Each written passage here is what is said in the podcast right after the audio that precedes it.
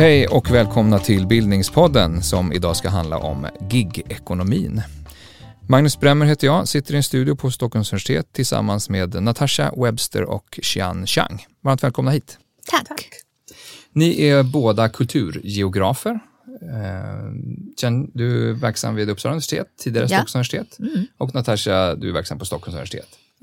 Ni har på olika sätt intresserat er för gigekonomin som socialt och kulturellt fenomen. Vi ska komma in lite grann på det.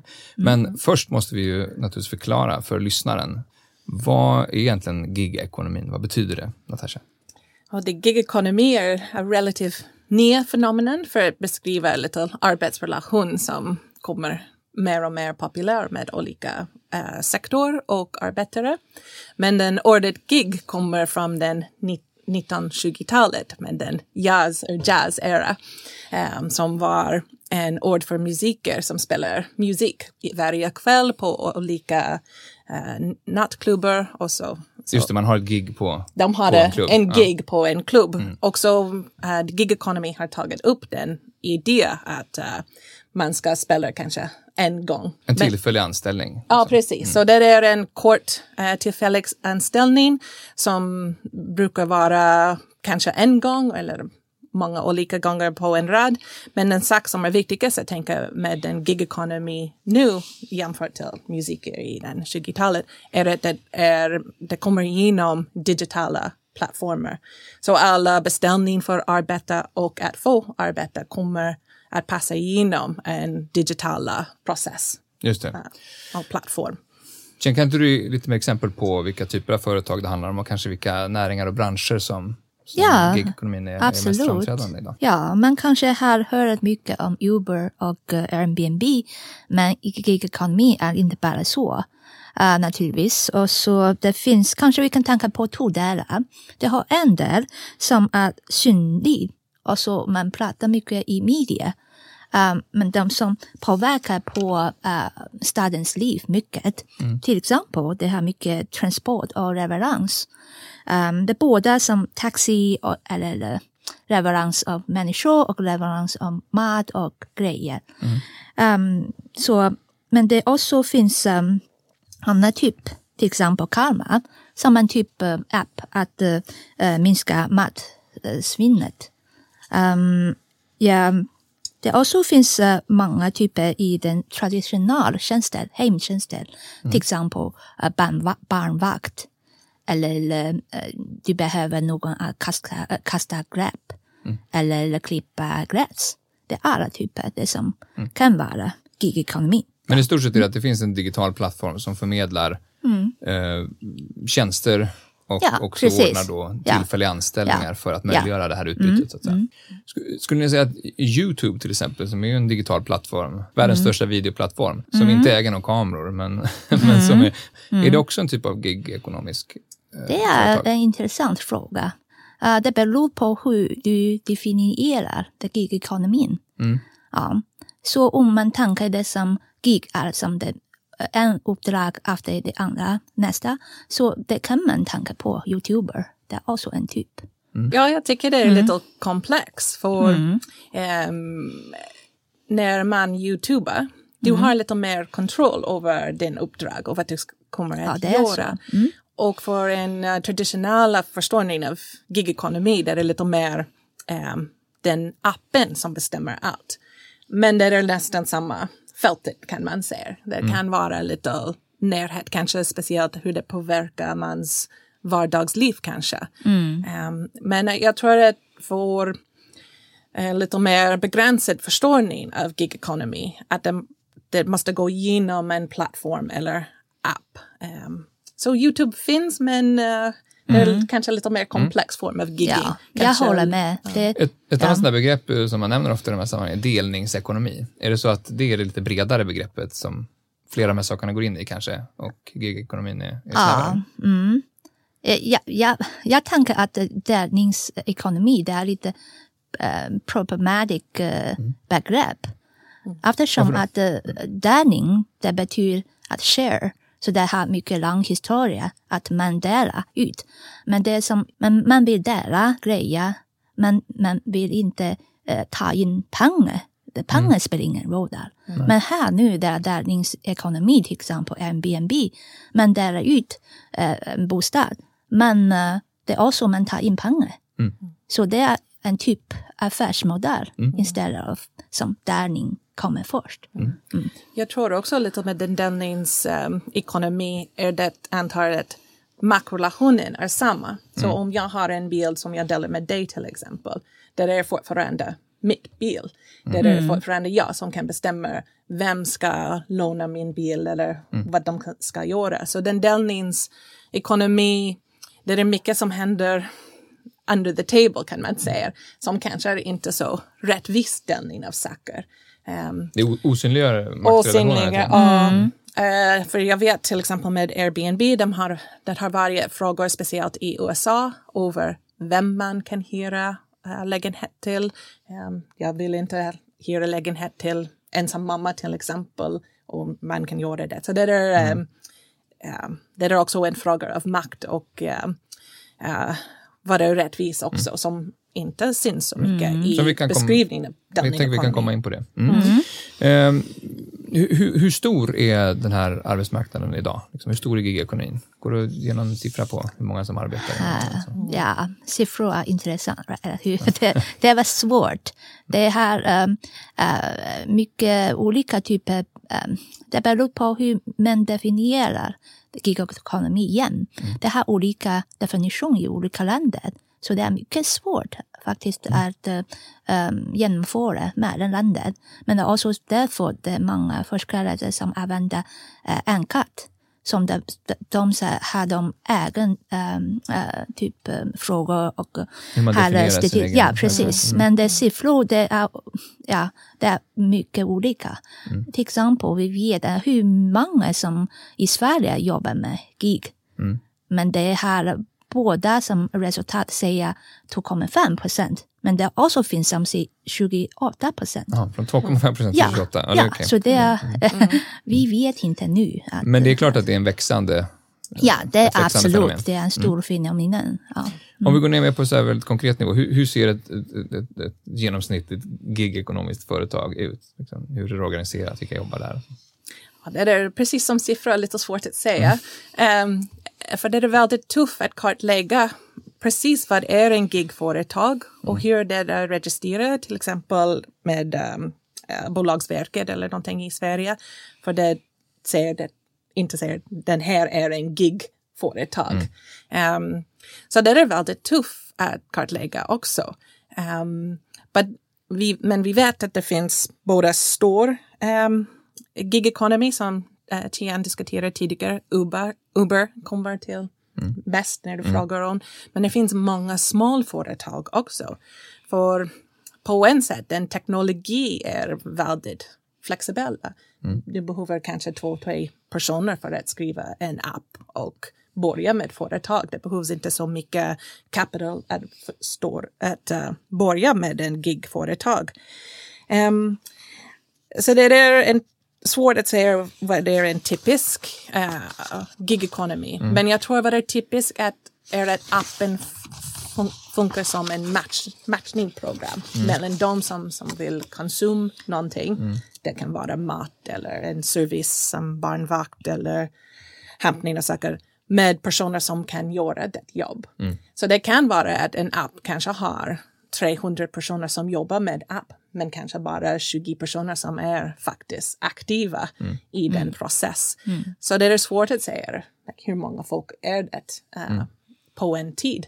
Eller det kanske ska vi mäta kanske på fredagskväll, kanske det finns 50 personer som jobbar med den app på fredagskväll och ingen på tisdag morgon. Mm. Mm. Så det också går lite upp och ner uh, i företags dagliga och årliga liv. Hur, mm. hur många folk finns mm. där också. Men jag tror att det är viktigt att förstå att när vi pratar mest om gig economy, det är mest den stora firma som vi diskuterar. Men den små, det är så många små företag mm. um, uh, som är inkopplas också med den startup culture mm. som många personer jobbar med. Och vi vet inte så mycket om det. Och då blir det många olika typer av saker också förstås. Ja, precis. Um, men om man ska bilda motsatsen, alltså en, en av de sakerna som har uppmärksammats med gigekonomin, förutom det sätt som det har förändrat sätt att röra sig på och, och få tjänster utförda och så, är just det här med att det är väldigt osäkra anställningsformer. Mm. Mm. Men går det att sätta, förklara vad, vad den gamla arbetsmarknaden har haft som gigekonomin så att säga bryter med? Ja, den, i den uh, traditionella ekonomin finns det som um, man hade anställning som man jobbar uh, på en uh, åtta timmar, någon timme varje dag och så du vet nästa dag vad ska du jobba med. Så det har man en schema så man kan också se uh, fram alltså, hur man ska jobba uh, på en plats. Men det är i den gigekonomin man får uppdrag uh, en efter en så man vet inte, uh, det är ingen garanti att man ska få uh, uppdrag nästa dag och nästa timme. Men det är också det är viktigt att tänka på det med att inte betalas i den som väntetid. Det är som mellan uppdrag, där ingen betalar den. Så det, det är, är själva gigget som man får ja, betala Precis, mm. ja. Så det blir ett stort problem. Mm. Men det är också det är i några situationer man får för mycket att göra. Det är flera uppdrag man måste göra samtidigt men man kan inte eh, klara dem. Mm. Så det blir problem. Kanske man får inte betalas för att som mm. eh, uppdrag man har fått. Jag tror lite, det är en stor fråga som kommer upp i forskning. Vad är den skillnad mellan till exempel frilans och gig economy och också den high skilled, low skilled. Um, hur kommer de tillsammans? Jag tror i forskning vi, är, vi har inte kommit till en beslut. Mm. Um, vad är den skillnad? Men jag kan tänka lite skillnad till exempel mellan freelancing och gig är att freelancing, du är nästan som um, som um, har egen företag. Mm. Att du bygger upp en brand till exempel, om du är freelance journalist. Mm. Då du bygger på uh, mm. uppdrag efter uppdrag och du vill kanske vara specialist i en typ mm. timmar eller någonting. Med gig, det kan vara ingen koppling mellan den olika jobb.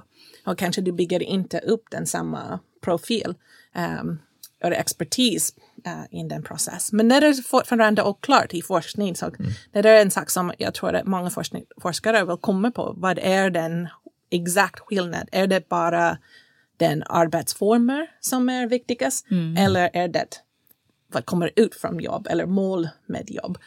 Um, för det är lite tuff eh, gränsen mm. mellan de två. Mm. Um, så det är en sak som kommer upp. Och också många, till exempel vikarier, jobb, de faller under kollektivavtal också. Så även mm. om du inte har um, en fast anställning till exempel med en skola eller till mm. exempel. Um, du får fortfarande få lite trygghet genom den process och det är regler som uh, arbetsgivare måste följa, mm. den typ saker. Mm. Med gig, eh, som Tian sa, om du inte har en chef eller det finns inte regler som faller utanför denna kollektivavtal. Det finns en, inte bara att du inte har rättighet, men också det finns ingen mm. rättighet heller. Och så det är lite skillnad um, med betalning. Vad händer om du ramlar från din cykel till exempel? Mm. Um, vilken typ för, uh, försäkring ska du få? Den typ saker som uh, är utanför den kollektivavtal blir lite mer eh, luddig eh, mm. i den gig economy. Det är så att, den här, att de här sakerna är, är säga, svårare att reglera på i den mm. gigekonomiska marknaden. Ja, precis. Mm. För en företag i princip kanske vet inte om du jobbar. Um, kanske de kan mm. följa den uh, digitala footprintet. Okej, okay, jag ser mm. att uh, Natasha jobbar i, idag, mm. men kanske inte. Och kanske de vet inte precis vem jag är. Jag är bara en ja. algoritm till dem.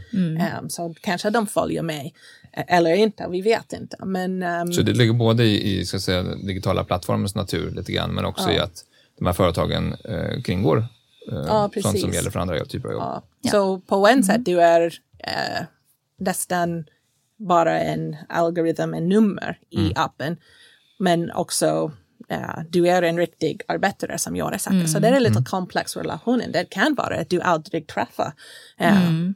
en person det är andra personer. Den andra ja. person som mm. du jobbar med.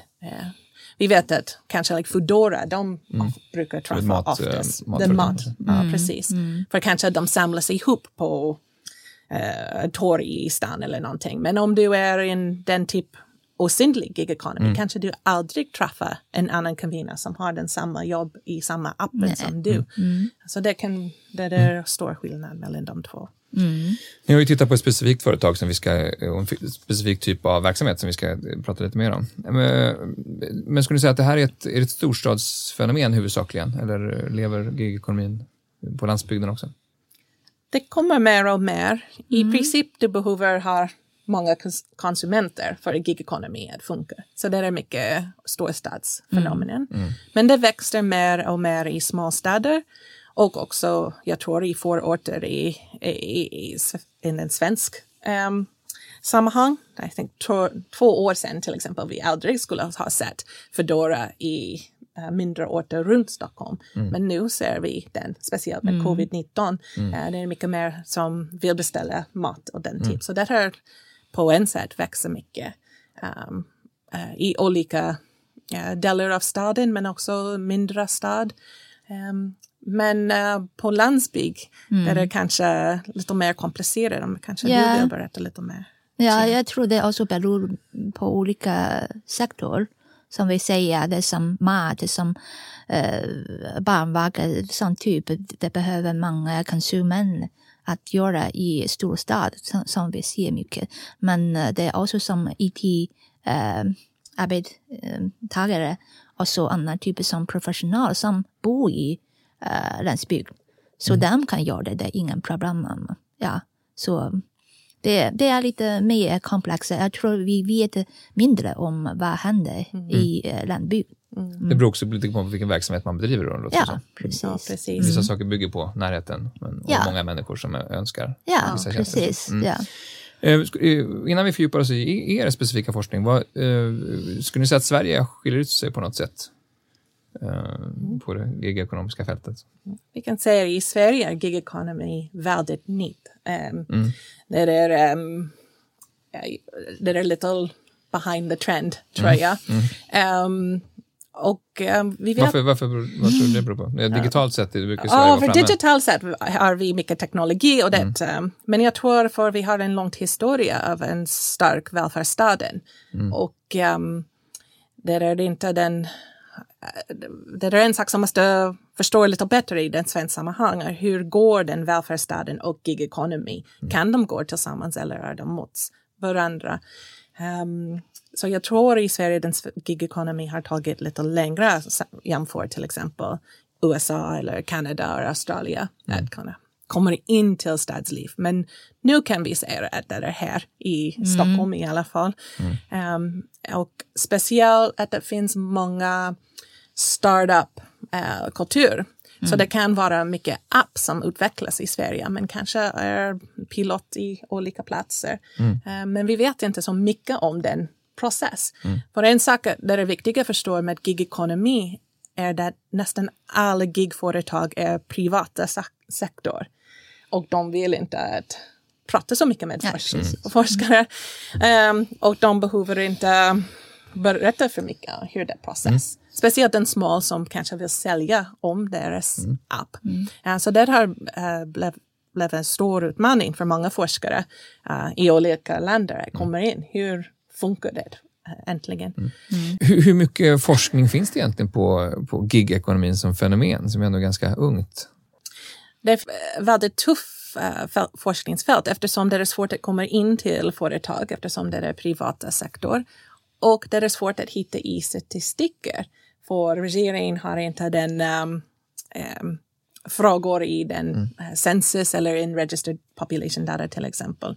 Så det är mest som kommer med uh, olika enkanten. Så det kan vara en enkant som kommer in till en företag, till exempel Uber, och det finns mycket forskning kring det. Eller det kan vara mer generellt enkanten. Um, till exempel de har gjort i Australien och Kanada. Men de är väldigt nytt. De har bara kommit ut den här året. Mm.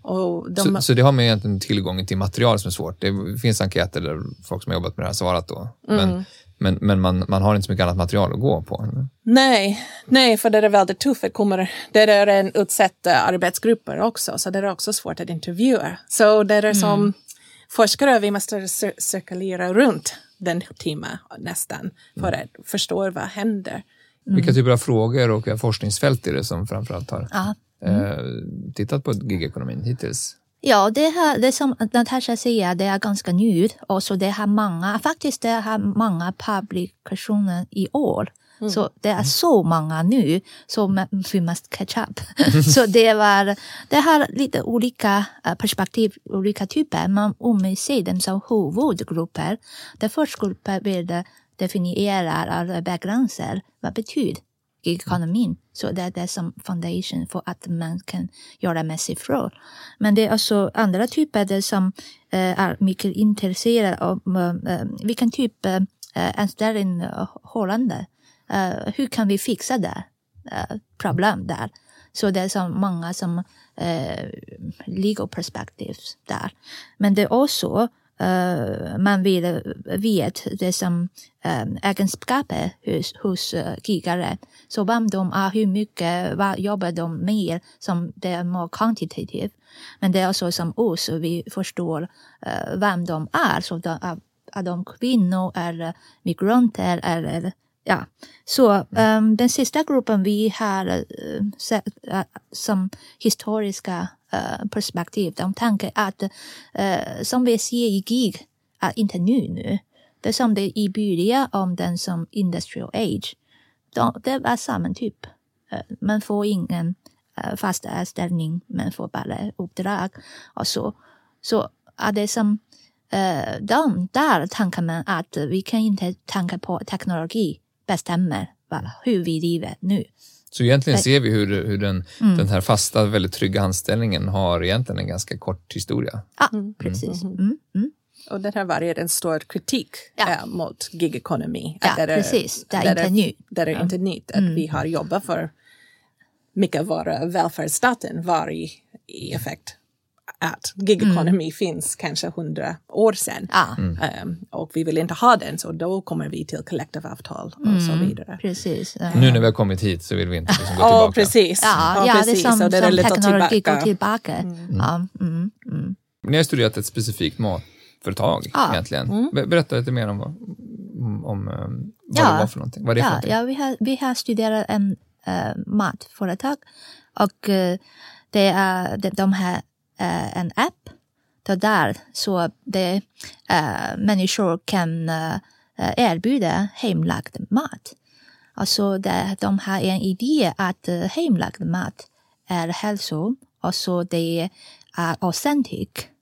Eh, alltså de så, därför det alltså, um, uppmuntrar många eh, immigranter att laga mat och så erbjuda som eh, uh, authentic hemlagd mat från eh, sina hemländer. Mm. Så därför det finns många immigranter där.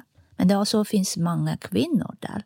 Så den i bästa tid fanns kanske 200 eh, hemchef, eh, hemkockar mm. där på appen. Och så det kanske 80 procent de var kvinnor. Men så mm. då, är det, då är det personer, huvudsakligen kvinnor, då, som lagar mat i ja, sina hem precis. och som sen levereras? Ja, de också de, uh, homekokar, de levererar uh, den maten till uh, flera hotspots mm. de i staden. Som det som företaget bestämmer att de ska träffa uh, konsumenter där. Mm. Så, mm. så det är inte som att man kopplar ihop en massa restauranger så, som kör ut och kör hem, utan Nej, det, här, de här lagas ingen... maten specifikt, ja, men också precis. hem, hemmiljön. Ja. Mm. mm. Mm. Hur kom det sig att ni att just valde att titta närmare på det här, det här fenomenet och den här, det här företaget specifikt? Vi var intresserade i den företag eftersom de jobbar äh, mest med migrantkvinnor som vi var intresserade av. Och också de var um, de försöker ha social hållbarhet. Och så det var lite intressant för de, de tar upp en lite olika perspektiv med gigekonomi. Att inte bara ha arbetare um, som var anonymin, men också mm. att ha arbetare som är viktiga till, till deras uh, verksamhet. Mm. Så det var en lite intressant kombination, för en sak med gigekonomi är att um, arbetare, um, jag vill inte säga inte viktiga, men det är inte den största. Inte fokus på inte den anställde. Ja, precis. Mm. Av den anställningen. Men här är den um, uh, appen att det är där, deras fokus. De behöver att ha den kvinnor jobba eh, på, mm. på maten. Så där, vi var nyfikna över det. Like, hur funkar det och varför är det lite olika och hur kan man ha sociala hållbarhet och gig economy i samma företag? Mm. Mm. Um, så det hade integration fråga där. Mm. Ja.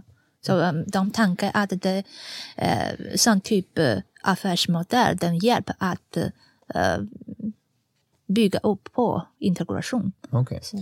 Men eh, vad, vad, är det så att, att eh, det, här, det här är kvinnor, är framförallt invandrade kvinnor. Mm. Eh, är, det, är det en representativ grupp för vilka som arbetar inom gigekonomin generellt? Vi, vi, när vi började vi tänkte inte på om det är representativt eller inte. Mm. vi tänker om, um, men det först, vi förstår mindre om kvinnor i gigekonomin. Um, de, de, de har det som average gig som man ser är young white men. Mm. Så det är som vi tänker vi måste förstå mer, undersöka uh, vilken roll uh, kvinnor spelar där. Mm. Men sen vi också, vi har båda som migration som vi, vi är intresserade av.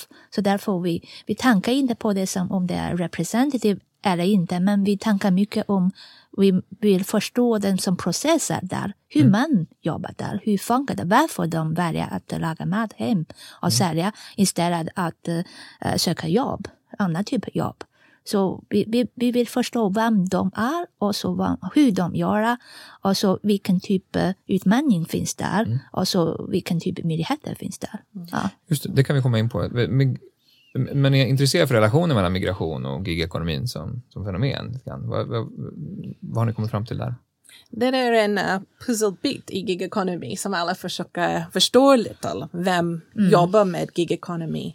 Det är, det är många som tänker att gig economy är bara för dem som vill ha lite extra jobb, extra chans. Och det är speciellt i forskning som kommer ut från USA till exempel. Där det är lite lätt mm. Toppa upp äh, låner och försörja mm. med familjen.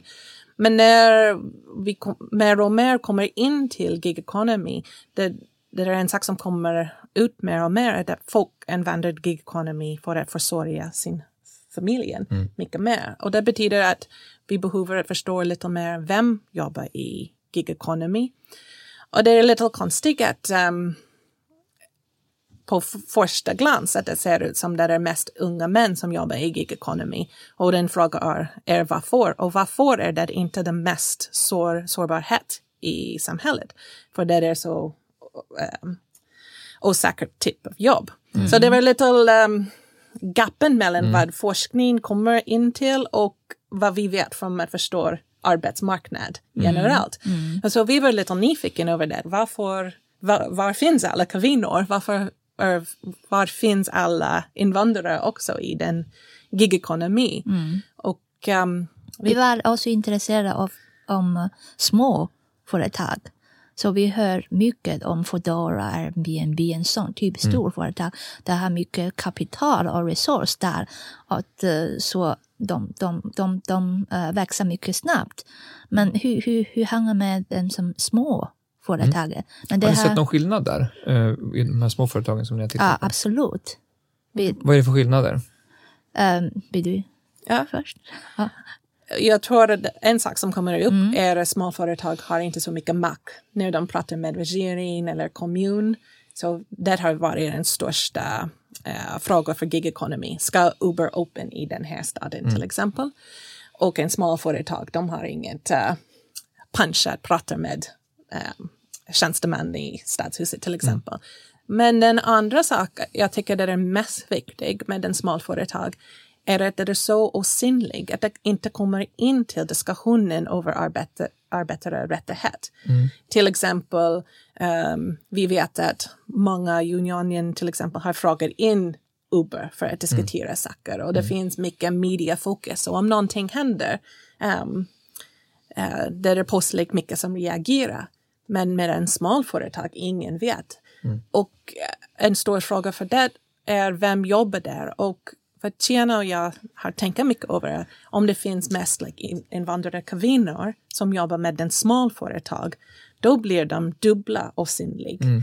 För de mm. är osynliga i arbetsmarknad generellt Och om de jobbar för småföretag, eftersom de är kvinnor som vill mm. inte köra taxi till exempel som Uber, då blir de helt uh, lost ut från hela mm. den typ processer av hur kan vi göra arbetsmiljö lite tryggare uh, och så vidare. Så till mm. exempel jag har hört i Norge när Uber och regeringen diskuterar en sak de kommer på att alla som cyklar ska ha snöhjulen. Uh, mm. um, och det var för, eftersom Uber är så stor. Så det har Ja, du kan kontakta dem och de kan kontakta tillbaka till mm. regeringen. Men småföretag, det händer inte så ofta. Så de är, de är mer, mer granskade, de större företagen och kanske därför ser till de anställda. Men finns, finns, har ni sett tendenser på att ett mindre företag också kan ha bättre insyn i arbetsförhållandena för de som arbetar för tjänsten?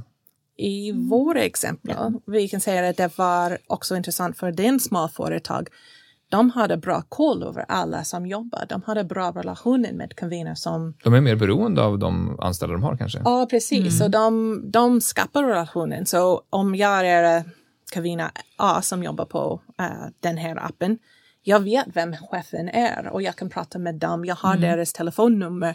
Så då blir det lite olika relationer från Uber som vem ska jag ringa? Jag kan ringa till mm. min, uh, eller chatta mm. inom appen till uh, de som är eh, på, har koll på den dagen. Men det kan vara algoritm eller en riktig person, vi vet ja. inte. Mm. Men i en små företag, vi vet precis vem jag ska prata med. Och så det var lite eh, spänning som vi ja. hittade på i det. vår forskning. Att på en sätt en små företag skapade bra relationer eh, mellan arbetare och app, app uh, developer. Mm. Men på samma tiden det var osynliga mer generellt i samhället eller med union och den mm. olika mm. Um, aktörer som brukar att försvara uh, arbetare. Mm. Det var lite spänd uh, situationen där. Ja. Vad säger du om det? Ja, ja, ja jag säger att uh, vi var lite uh, uppraskade lite av resultat. Att uh, det finns så mycket uh, socialiseringsprocesser där. De, de, de alla som de arbetar för den, eh, företaget, de ser så positivt av det som eh, räddningsgrupp mm. eh, med appen. Och så den har många, många eh, som typ eh, sessioner eller träning som det har många det som möjligheter att träffa varandra. Jag mm. tror att de som eh, invandrare de behöver sån typ. Och så det är inte bara ekonomi, inte bara pengar, men också mycket den social. Så att man känner att inte, inte äh, ensam. Ja. Mm. Mm. Um, ja, det är som absolut som Natasha säger, jag, jag tror, jag, jag, känner också att um, de som uh, ägare av uh, företaget, de känns också otrygga där. De vet inte eh, om de ska eh, få mer konsumenter, om de får mer kapital där. Alltså de, de som har hjälpt varandra lite där. Så det är lite, det, det, vi ser inte dem i den som storföretag. Ofta vi hör att äh, arbetstagare de klagar om företaget. Mm. Så det, det, är lite, det är ganska olika här. Mm. Mm.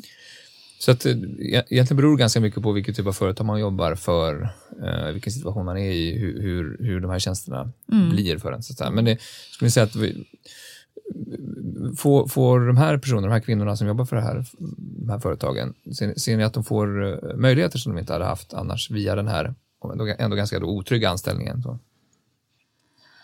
Uh, ja, jag tror de uh, har olika typer av möjligheter här. Först, de uh, lär mycket om hur uh, affärs funkar i Sverige. Så de uh, testar både mat, vilken typ av mat man gillar, men också de lär mycket hur uh, man uh, jobbar med skatt till exempel, och så hur man jobbar med hygiene, sån mm. typ av grejer. Alltså de um, har många faktiskt här som entreprenör, mm. typ idéer. Så de... Ja, vad har, de, vad har de själva för ambitioner med ja, arbetet? Precis. Mer, mer än att få, få en lön, så att säga. Mm, vad har ni sett mm, där? Mm. För nästan alla som vi intervjuar som äh, jobbar med den appen har en person att vara entreprenör mm. mm. här i Sverige. Och ähm, de tänker att det är en för hög risk att bara öppna företag. Mm. som, som är sant, det, det tar mycket pengar att öppna företag precis som där. Så de ser den gig som en um, steg till uh, företag och en plats att, att prova på olika saker över vad funkar eller vad inte. Eller, mm. eller om de är intresserade av um, matlagning till exempel. Men en sak som jag tyckte var intressant var hur högutbildad uh, det Kavina, Kavina var i, i gruppen. Mm. Vi har, jag tror i gig economy forskning, uh, det ser ut som en um, jobb som man tar om man kan inte få ett jobb. Mm. Men faktiskt med den här kvinnan, den var väldigt högutbildad. Och det påpekar på två saker. En, att de vill börja deras företag. Men också det påpekar hur svårt det är att få ett jobb i mm. Sverige om du är invandrare kvinnor. Och um, så det är lite två processer som går hand i hand. Att det är så tufft att hitta jobb, även om du är högutbildad eh, i Sverige. Mm. Och det är en stor problem. Att, um, att det är så tufft att hitta en, ett bra jobb. Um, så det är en sak, de måste tänka lite också, att hur svårt det är att få jobb generellt på arbetsmarknaden. Och gig economy ger man en chans att bypass många av de sociala mm uh, strukturella hinder, ja, till exempel mm. språk. Mm. Att få en gigjobb eller upp, få en gig med den här företaget. Du behöver inte ha svenska. Du kan börja direkt. Jag kan mm. börja mm. imorgon om jag vill. Um, och så det är en viktig sak som kommer med uh, gig economy, speciellt när vi börjar tänka på integration. Då har vi många olika typfrågor över. Mm. Uh, vilken fördelar eller nackdelar kommer med gig economy ja. i den svensk sammanhang och den välfärdsstödsystem också. Mm. Vad tror ni om uh, gig-ekonomins uh, framtid? Uh, kommer den bara fortsätta växa och ta över hela arbetsmarknaden, eller hur? Ska vi se på det? Det, det är ganska svår fråga.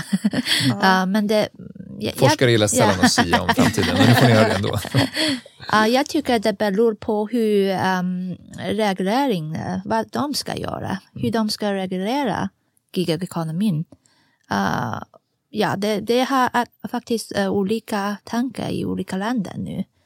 Till exempel i Australien, de ska säga de är uh, contractor, inte som arbetsgivare. Så det beror, det, det kanske det, det har som lag eller regulation, det de som spelar en roll där. Mm.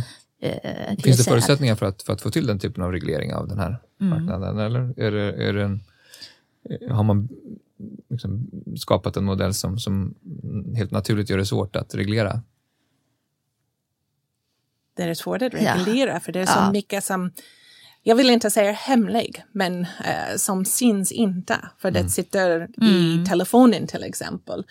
Um, så det är svårt att veta precis vad händer. Och det finns ingen riktig arbetsplats. Mm. Um, så den, den typisk uh, saker som kommer upp i arbetsavtalen, den typ like, hur många timmar eller hur ska jag vara trygg på jobbet och den typ, det händer inte i gig economy. De kan inte kontrollera vem vad du har i tjocket till exempel. Mm. Mm. Så det blir en, en tuff uh, problem att lösa när vi pratar om gig mm. Mm. Men också med gig economys framtid, det är oklart vad ska hända också med urban form till exempel och vad vi vill ha um, i den post-covid city till exempel. Um, på en sätt, många säger att covid ska döda den gig economy för um, ingen vill cykla runt och allt. Men mm. jag tror att vi har inte sett det uh, faktiskt. Uh, den andra uh, argumenterar att gig, vi alla ska vara gigarbetare i framtiden mm. och ingen ska ha fast anställning mm. och det är framtiden för alla. Så det är svårt att säga precis uh, vad ska hända. Um, vad säger du Jen? Ja, jag tänker att det, det, det går både upp och ner. Det, det är olika sektorer. Det är också olika typer uh, av um, arbetstagare. Så att uh, det som uh, pandemic uh, absolut det påverkar. Men det är som Anatasha säger, det är mycket som um, osynligt. Det är som grejer som det är mycket svårt att uh, se hur man ska reagera och uh, hur den funkar. Mm. Ja. Det får bli slutorden. Tusen tack mm. Natasha Webster och Chen Chang ja, för att tack, ni ville vara med. Tack så mycket. Ja, Och tack till er som har lyssnat. Eh, är ni intresserade av att höra mer om Jens och Natashas forskning så kan du gå in på anekdot.se där vi har lagt en länk till er artikel. Eh, vi är tillbaka igen om ett par veckor med ett nytt avsnitt. Tack och hej!